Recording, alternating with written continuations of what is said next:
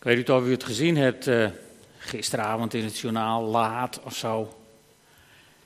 Maar er waren uh, een aantal mensen en die waren helemaal uitzinnig van vreugde, omdat ze een blik aan schaal vast mochten houden waarop stond kampioen van Nederland. Heel Eindhoven stond ondersteboven. Het was als Fries natuurlijk wrang dat dat ten koste moest gaan van Herenveen. Maar goed, dat vergeven we ze.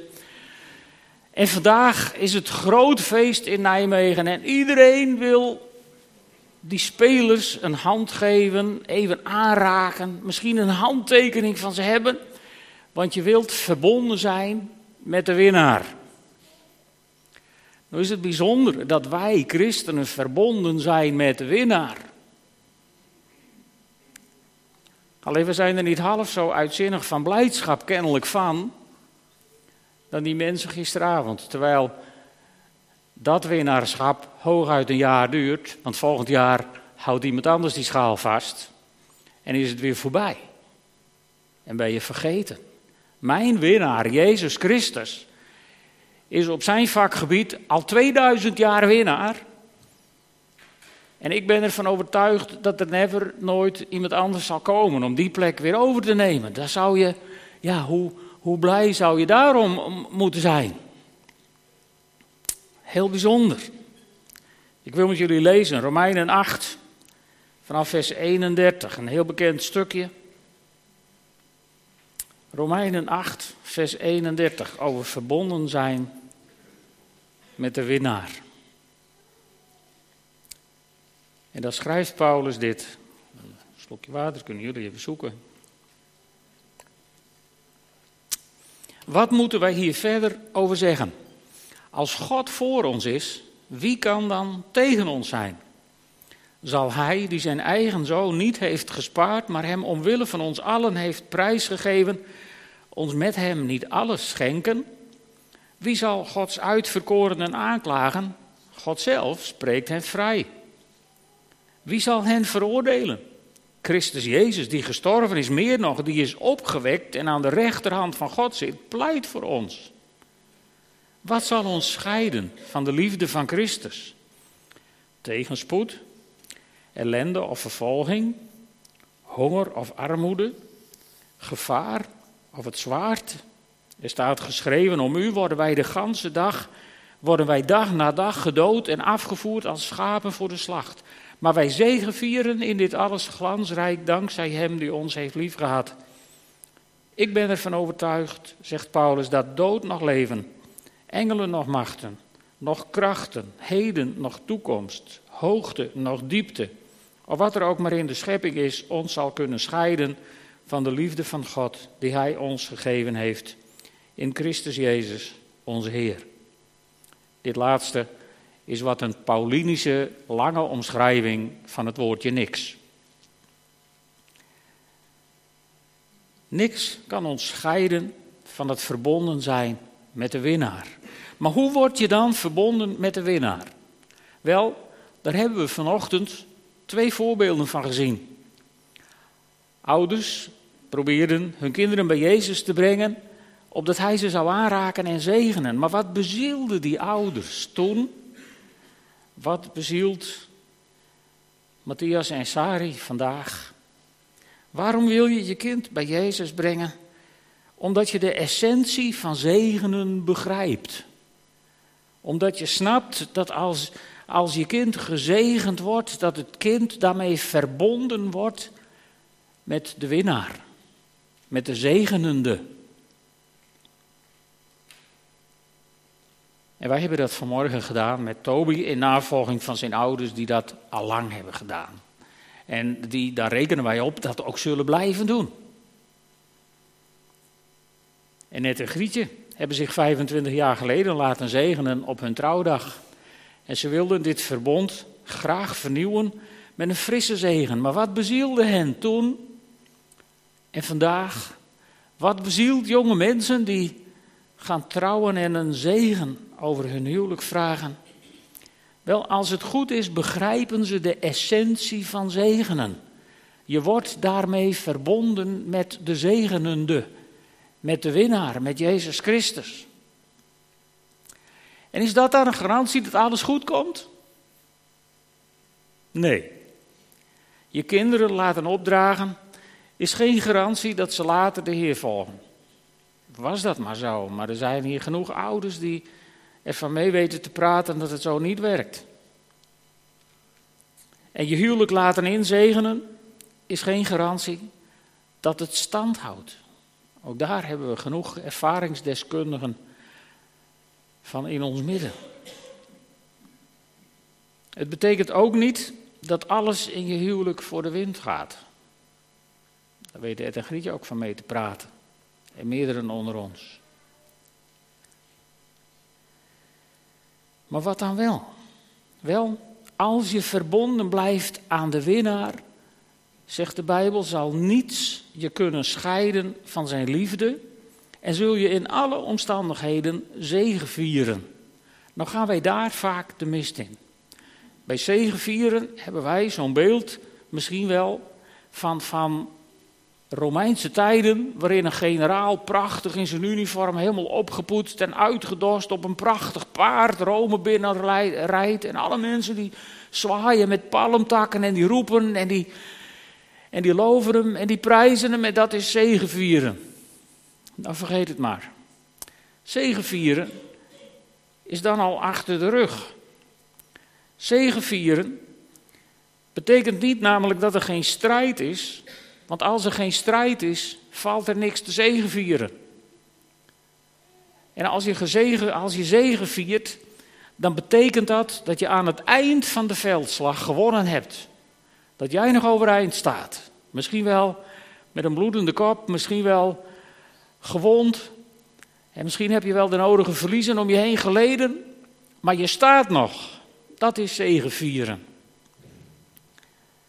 Ondanks verliezen en verwondingen. Weet je, Jezus Christus zegevierde op Golgotha.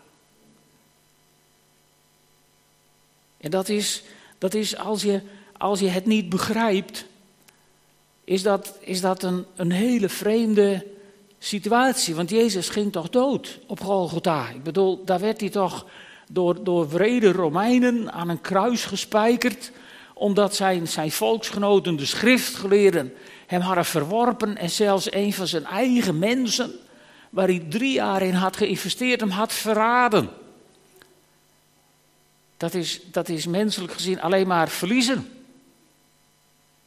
Maar Jezus zegevierde aan het kruis omdat hij zijn macht niet gebruikte om van het kruis af te komen, maar om vol te houden tot het einde. In Matthäus 27, vers 42, daar staat, er roepen de schriftgeleerden hem toe. Anderen heeft hij gered, maar zichzelf redden kan hij niet. Hij is toch koning van Israël? En dan moet je eens opletten, dan zeggen ze dit, laat hij dan nu van het kruis afkomen, dan zullen wij in hem geloven. Bijna een binnendoortje om te winnen. Alleen, Jezus was niet naar deze wereld gekomen om schriftgeleerden te laten geloven, maar om ons allen te redden uit de macht van de zonde en de dood. En daarom hield hij vol. En op de paasmorgen toen de steen van het graf werd weggerold en bleek dat hij daar niet meer was, toen werd duidelijk wie de winnaar was. En sindsdien is hij herkenbaar aan de littekens. In zijn handen, in zijn voeten, in zijn zij. En ik neem aan dat de doornenkroon op zijn hoofd ook zijn sporen zal hebben achtergelaten als we hem straks zullen ontmoeten. In Johannes 20, vers 27, daar, daar is Thomas die, die het nog niet kan geloven, die ontmoet Jezus en dan zegt Jezus, leg je vingers hier, kijk, kijk in mijn handen. En hij zegt, en, en leg je hand in mijn zij. Met andere woorden, de littekens waren er. Jezus heeft gezegevierd. Maar hij kwam niet ongeschonden uit de strijd. En zelfs in de hemel wordt hij omschreven als een lam dat eruit ziet alsof het geslacht is. Openbaringen 5, vers 6. Midden voor de troon tussen de vier wezens en de oudsten zag ik een lam staan. Het zag eruit alsof het geslacht was. Maar het bijzondere is daar in openbaringen, daar staan de oudsten niet eromheen te piepen en te kreunen en te weeklagen van ach, wat zielig en moet je nou eens kijken en hoe moet het nou? Nee, in dat stukje in openbaringen 5, en dat moet je maar eens nalezen, daar staat Jezus beschreven als het lam wat eruit ziet alsof het geslacht is. Maar daardoor is hij het waard om de boekenrol te openen.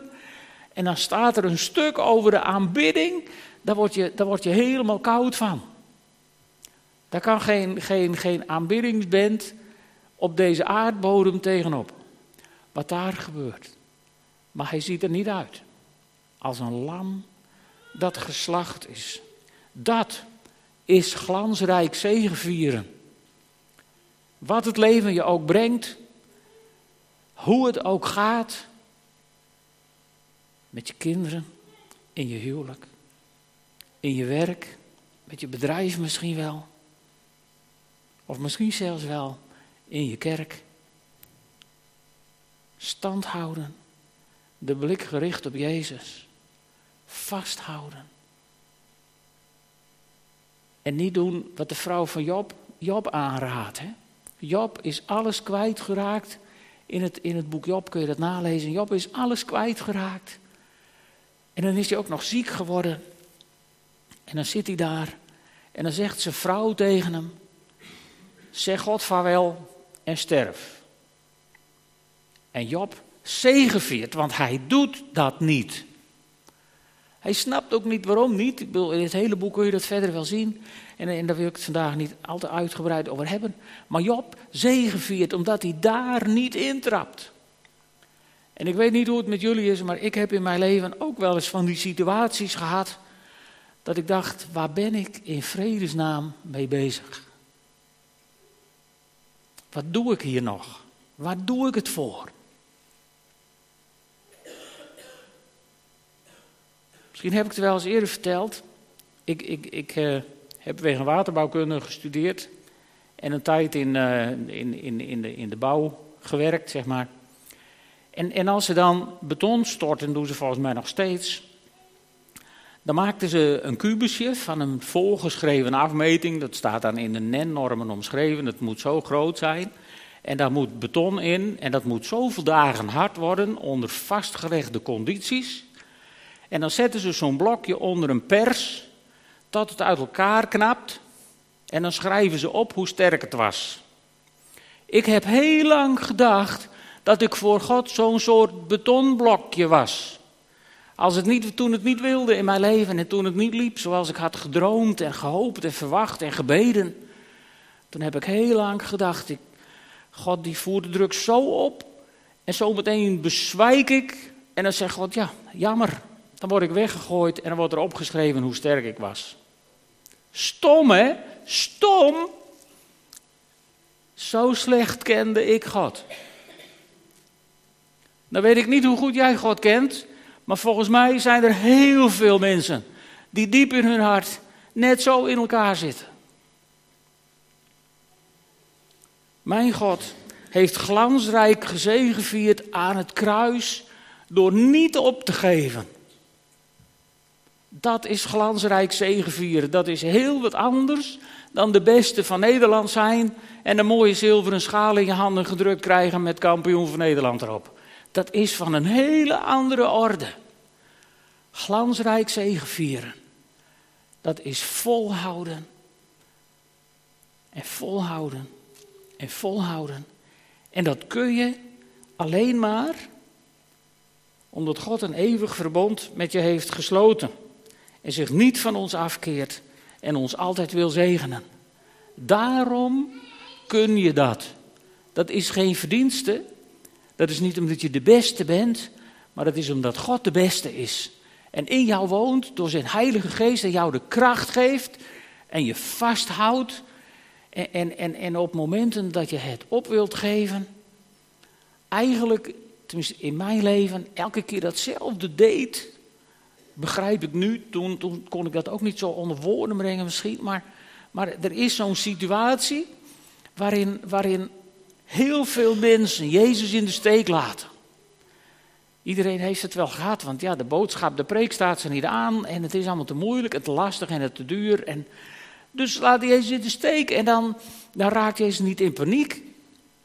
Maar dan zegt hij tegen die discipelen die nog zijn overgebleven, zegt hij, ja, jongens, als jullie ook weg willen, voel je vrij. En dan zegt Petrus, die zegt iets heel indrukwekkends. Hij zegt, Heer, waar moeten we heen? Want u hebt woorden van eeuwig leven. En, en, en als ik daar nu aan terugdenk, dan denk ik dat dat is wat mij op de been heeft gehouden. Dat is, geloof ik, wat Ed en Grietje op de been heeft gehouden. Dat is wat, wat meerdere van jullie op de been heeft gehouden en in de toekomst op de been zal houden. Dat, dat, dat besef diep in je hart van ja, waar, waar, moet ik, waar moet ik anders heen? Want er is niemand anders buiten God. Hij is de overwinnaar. En ik heb me aan Hem verbonden. En Hem wil ik vasthouden, want waar moet ik anders heen? Er is namelijk geen alternatief voor de God die hemel en aarde gemaakt heeft. Je kunt gewoon niet anders. Misschien ben je zelf wel murf gebeukt op dit moment in je leven. En is de glans er voor jouw eigen gevoel redelijk vanaf. Maar je staat nog overeind. En onze Vader in de hemel, jouw Vader in de hemel, is beren trots op jou, omdat je nog staat. Wil je dat even heel goed in je oren knopen? Jouw Vader in de hemel is trots op jou, omdat je nog staat. Weet je, miljoenen mensen in de geschiedenis en ook vandaag stierven liever dan dat ze hun verbondenheid met de winnaar opgaven. Dat is volgens mij namelijk het grote geheim van de vervolgde kerk. Er is geen alternatief voor Jezus. Je kunt beter sterven dan Jezus opgeven. Zij zijn erdoor de echte winnaars in de geschiedenis. Mijn vrienden in voormalig Oost-Duitsland mochten niet studeren, omdat hun ouders christenen waren. En er was gewoon arbeider, het hoogste niveau waar je terecht zou kunnen komen. En daarom hebben ze nu, zoveel jaar na de wende, nog steeds geen topfuncties en geen dikke pensioenen, maar wel een levende relatie met Jezus. En dat is niet te betalen. Dat is echt niet in geld uit te drukken. En weet je, niemand van ons kan zeggen hoe je in dergelijke situaties zult reageren.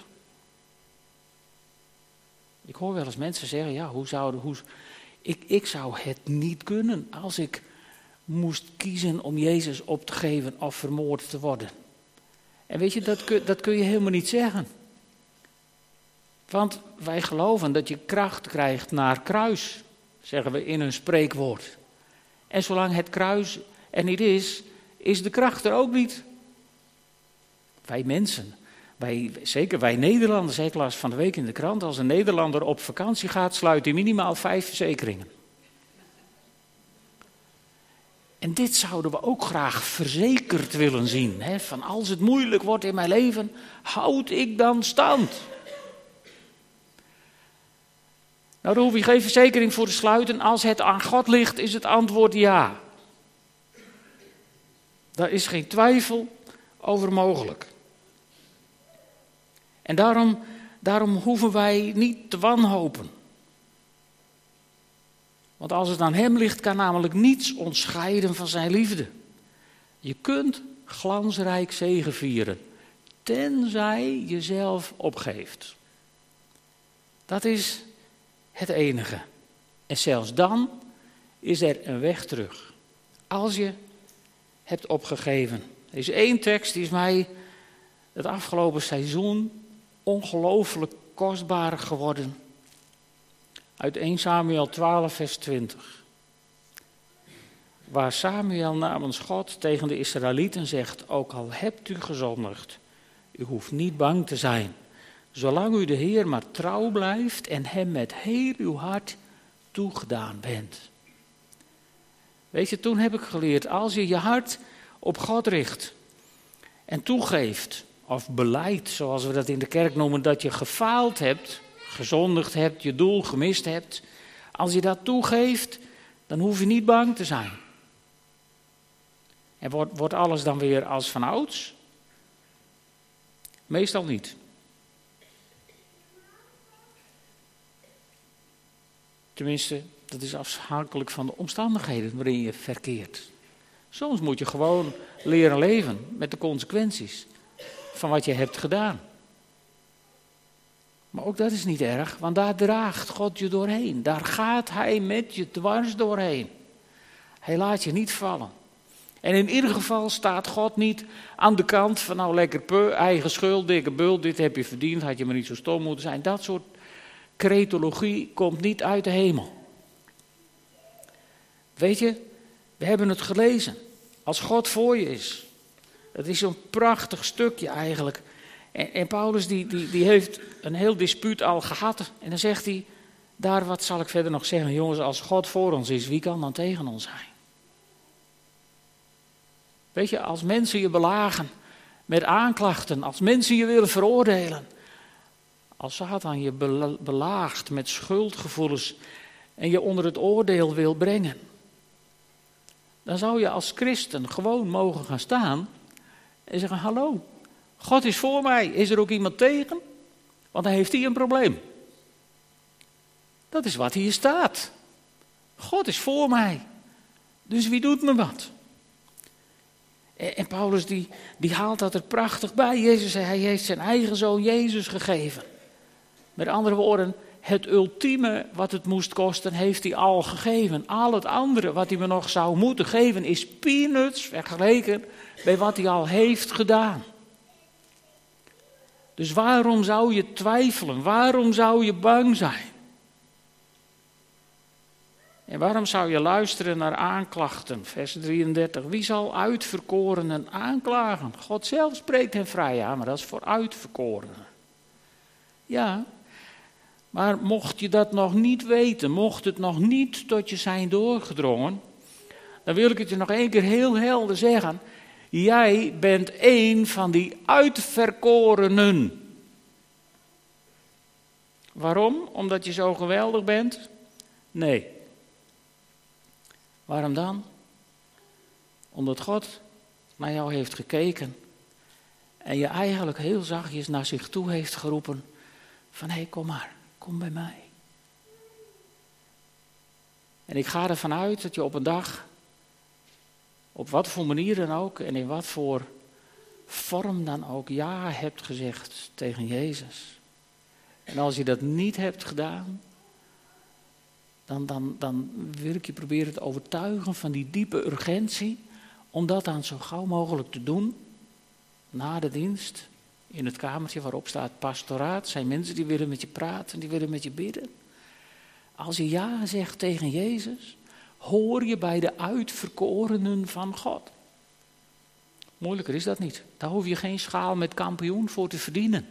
Je hoeft alleen maar je knieën te buigen voor Jezus je leven in zijn hand leggen. En dan op dat moment hoor je bij die uitverkorenen. En dan staat er: En wie zal Gods uitverkorenen aanklagen? God zelf spreekt hen vrij. Wil je ruzie met mijn vader? Dan moet je even doorgaan. Mooi hè? Dan ben je bent altijd de sterkste. Wil je ruzie met mijn vader? Nou, kom maar op.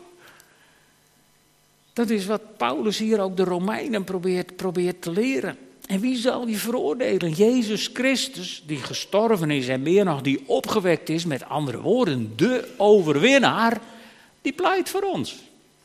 De overwinnaar staat aan mijn kant. Dus wil je vechten? Kom maar op. Dat is wat hier staat. En, en, en dan vind ik het zo mooi. Wat zal ons scheiden van de liefde van Christus? Tegenspoed? Daar hebben de meesten van jullie vast wel eens mee te maken gehad. Tegenspoed, Het wil niet op school. Het wil niet in je huwelijk. Het wil niet met je kinderen. Het wil niet op je werk. Of het wil niet in je kerk. Zelfs daar kan het gebeuren. Tegenspoed. Hebben we allemaal wel eens mee te maken. Maar dat kan je niet scheiden van de liefde van Christus. Ellende of vervolging. Daarvan weten wij niet wat het is. Aan de lijve. Maar je hoeft alleen het Open Doors magazine af en toe maar eens open te slaan. Om te zien hoe waar het is dat dat je niet kan scheiden van de liefde van Christus. Honger of armoede, gevaar of het zwaard. En dat is een lastig zinnetje, vers 36. Om u worden wij dag na dag gedood en afgevoerd als schapen voor de slacht. Dat was, was in tijden waarin Paulus het schreef, was dat af en toe heel, heel actueel. En, en vandaag is dat op sommige plaatsen op deze aarde heel actueel, hier niet. En daar mogen we heel diep dankbaar voor zijn. Een paar jaar geleden las ik een stukje van bisschop Andrew White, de bisschop van Bagdad, die, die in dat stukje zo terloops even schreef: Zondag heb ik tien mensen gedoopt en de volgende zondag leefde er nog één. En toch zijn daar elke week mensen die gedoopt willen worden. Dat begrijp je niet. Zeker niet als je ziet hoe zwaar het hier vaak is om tot die stap te komen. Maar daar, terwijl ze buiten met het geweer op je staan te wachten, bij wijze van spreken, ervoor te kiezen om gedoopt te willen worden. Hoe verbonden met de winnaar wil je zijn? Hoe lief wil je, of hoe graag wil je uitkomen voor jouw verbondenheid met Jezus Christus? Dat is dan de vraag die erop komt. En dan staat er: Wij zegenvieren in dit alles glansrijk dankzij Hem die ons heeft lief gehad. Dus vanuit Gods perspectief gezien wordt alles weer als vanouds. Als je je knieën buigt voor Jezus en terugkomt bij Hem. Want Hij is voor je, Hij spreekt je vrij, Hij pleit voor je, Hij houdt je vast. Niets kan je namelijk scheiden van de liefde van Christus. Want God had de wereld zo lief dat Hij zijn enige zoon gegeven heeft, opdat iedereen die in Hem gelooft niet verloren gaat, maar eeuwig leven heeft. Dat is een tekst die kennen heel veel christenen. Het vers erachteraan kent lang niet iedereen. Maar in vers 17 staat: God heeft zijn zoon niet naar de wereld gestuurd om een oordeel over haar te vellen, maar om de wereld door hem te redden. Hey, weet je dat? God heeft zijn zoon naar de wereld gestuurd om de wereld door Jezus te redden. En u en ik maken deel uit van de wereld. Hij kwam naar deze wereld om jou en mij te redden. Niet om jou en mij te veroordelen of de oren eens even te wassen over hoe slecht we allemaal zijn. Nee, om ons te redden. En ook al heb je gezondigd, je hoeft niet bang te zijn, zegt God, want ik ben naar deze wereld gekomen om je te redden. Nee, kom bij mij. En wat zijn dan de voorwaarden? Nou, die zijn niet zo hoog. Eigenlijk heeft, heeft Harry dat bij de opening gelezen. Je moet als een kind openstaan voor het koninkrijk van God. En, en als je tegen, tegen kinderen vertelt dat ze bij de Heer Jezus mogen horen en dat, en dat de Heer Jezus voor ze zorgt, dan krijg je geen vragen van hoe kan dat nou en is dat theologisch wel verantwoord. Ze laten er geen exegesis op los en dat soort gedoe. Ze geloven je gewoon. Ze geloven je gewoon. Ze stonden hier met z'n vieren, prachtig liedje te zingen. En er was niet één bij die theologische bezwaren had tegen de inhoud. Vind je dat niet geweldig? Als een kind openstaan voor het koninkrijk van God. En als God dan tegen je zegt: luister eens, vriend, ik ben voor je, ik spreek je vrij, ik pleit voor je en ik hou je voor altijd en voor eeuwig vast. Ik zorg ervoor dat je niet bij mij vandaan dwaalt. Durf jij daar amen op te zeggen? Of zeg je van nou, de praktijk leert mij en, en komt er allemaal van dat soort geneuzel om met heel veel moeilijke woorden duidelijk te maken dat je het gewoon niet gelooft. God is voor je. En God pleit voor je. En God spreekt je vrij. En wie daar iets tegenin wil brengen, die heeft een groot probleem. Niet met mij, maar met God. En ik zou je adviseren om dat probleem uit de weg te gaan. God heeft een eeuwig verbond met je gesloten, niet alleen met Ed en Grietje, maar met ons allemaal heeft hij een eeuwig verbond gesloten. En als hij daar als een kind voor open staat, zal niets je ooit kunnen scheiden van de liefde van de winnaar. Zo gaan staan en samen bidden.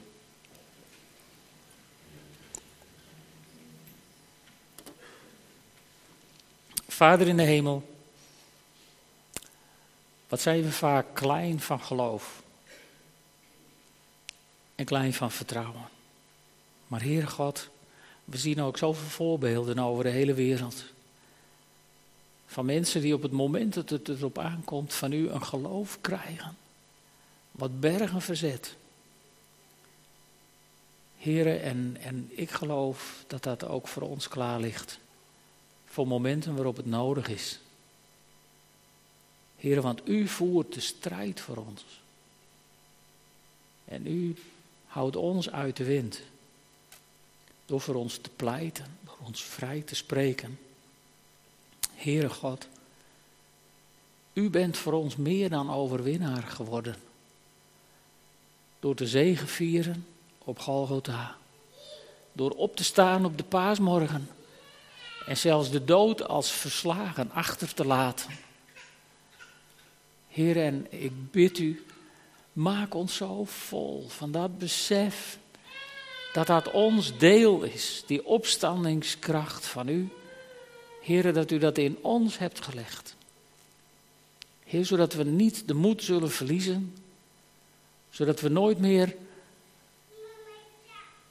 onder de indruk zullen zijn van wat voor omstandigheden dan ook. Maar Heere God, maak ons kinderen van u die in alle rust en in alle diepe vrede die alle verstand te boven gaat, elke situatie onder ogen kunnen zien. En voortdurend zullen getuigen voor het feit dat u degene bent die ons overeind houdt. Heren, en, en ik bid u als hier mensen zijn deze ochtend die, die gewond zijn op dit moment, die, die door strijd die in het leven soms plaatsvindt, zijn teleurgesteld, zijn beschadigd, pijn hebben, verdriet lijden. Heere God, raak dat aan op dit moment. Met die geweldige kracht van uw Heilige Geest. Heere, want nog hoogte, nog diepte, nog wat er ook maar in de schepping is, zal ons kunnen scheiden van uw liefde.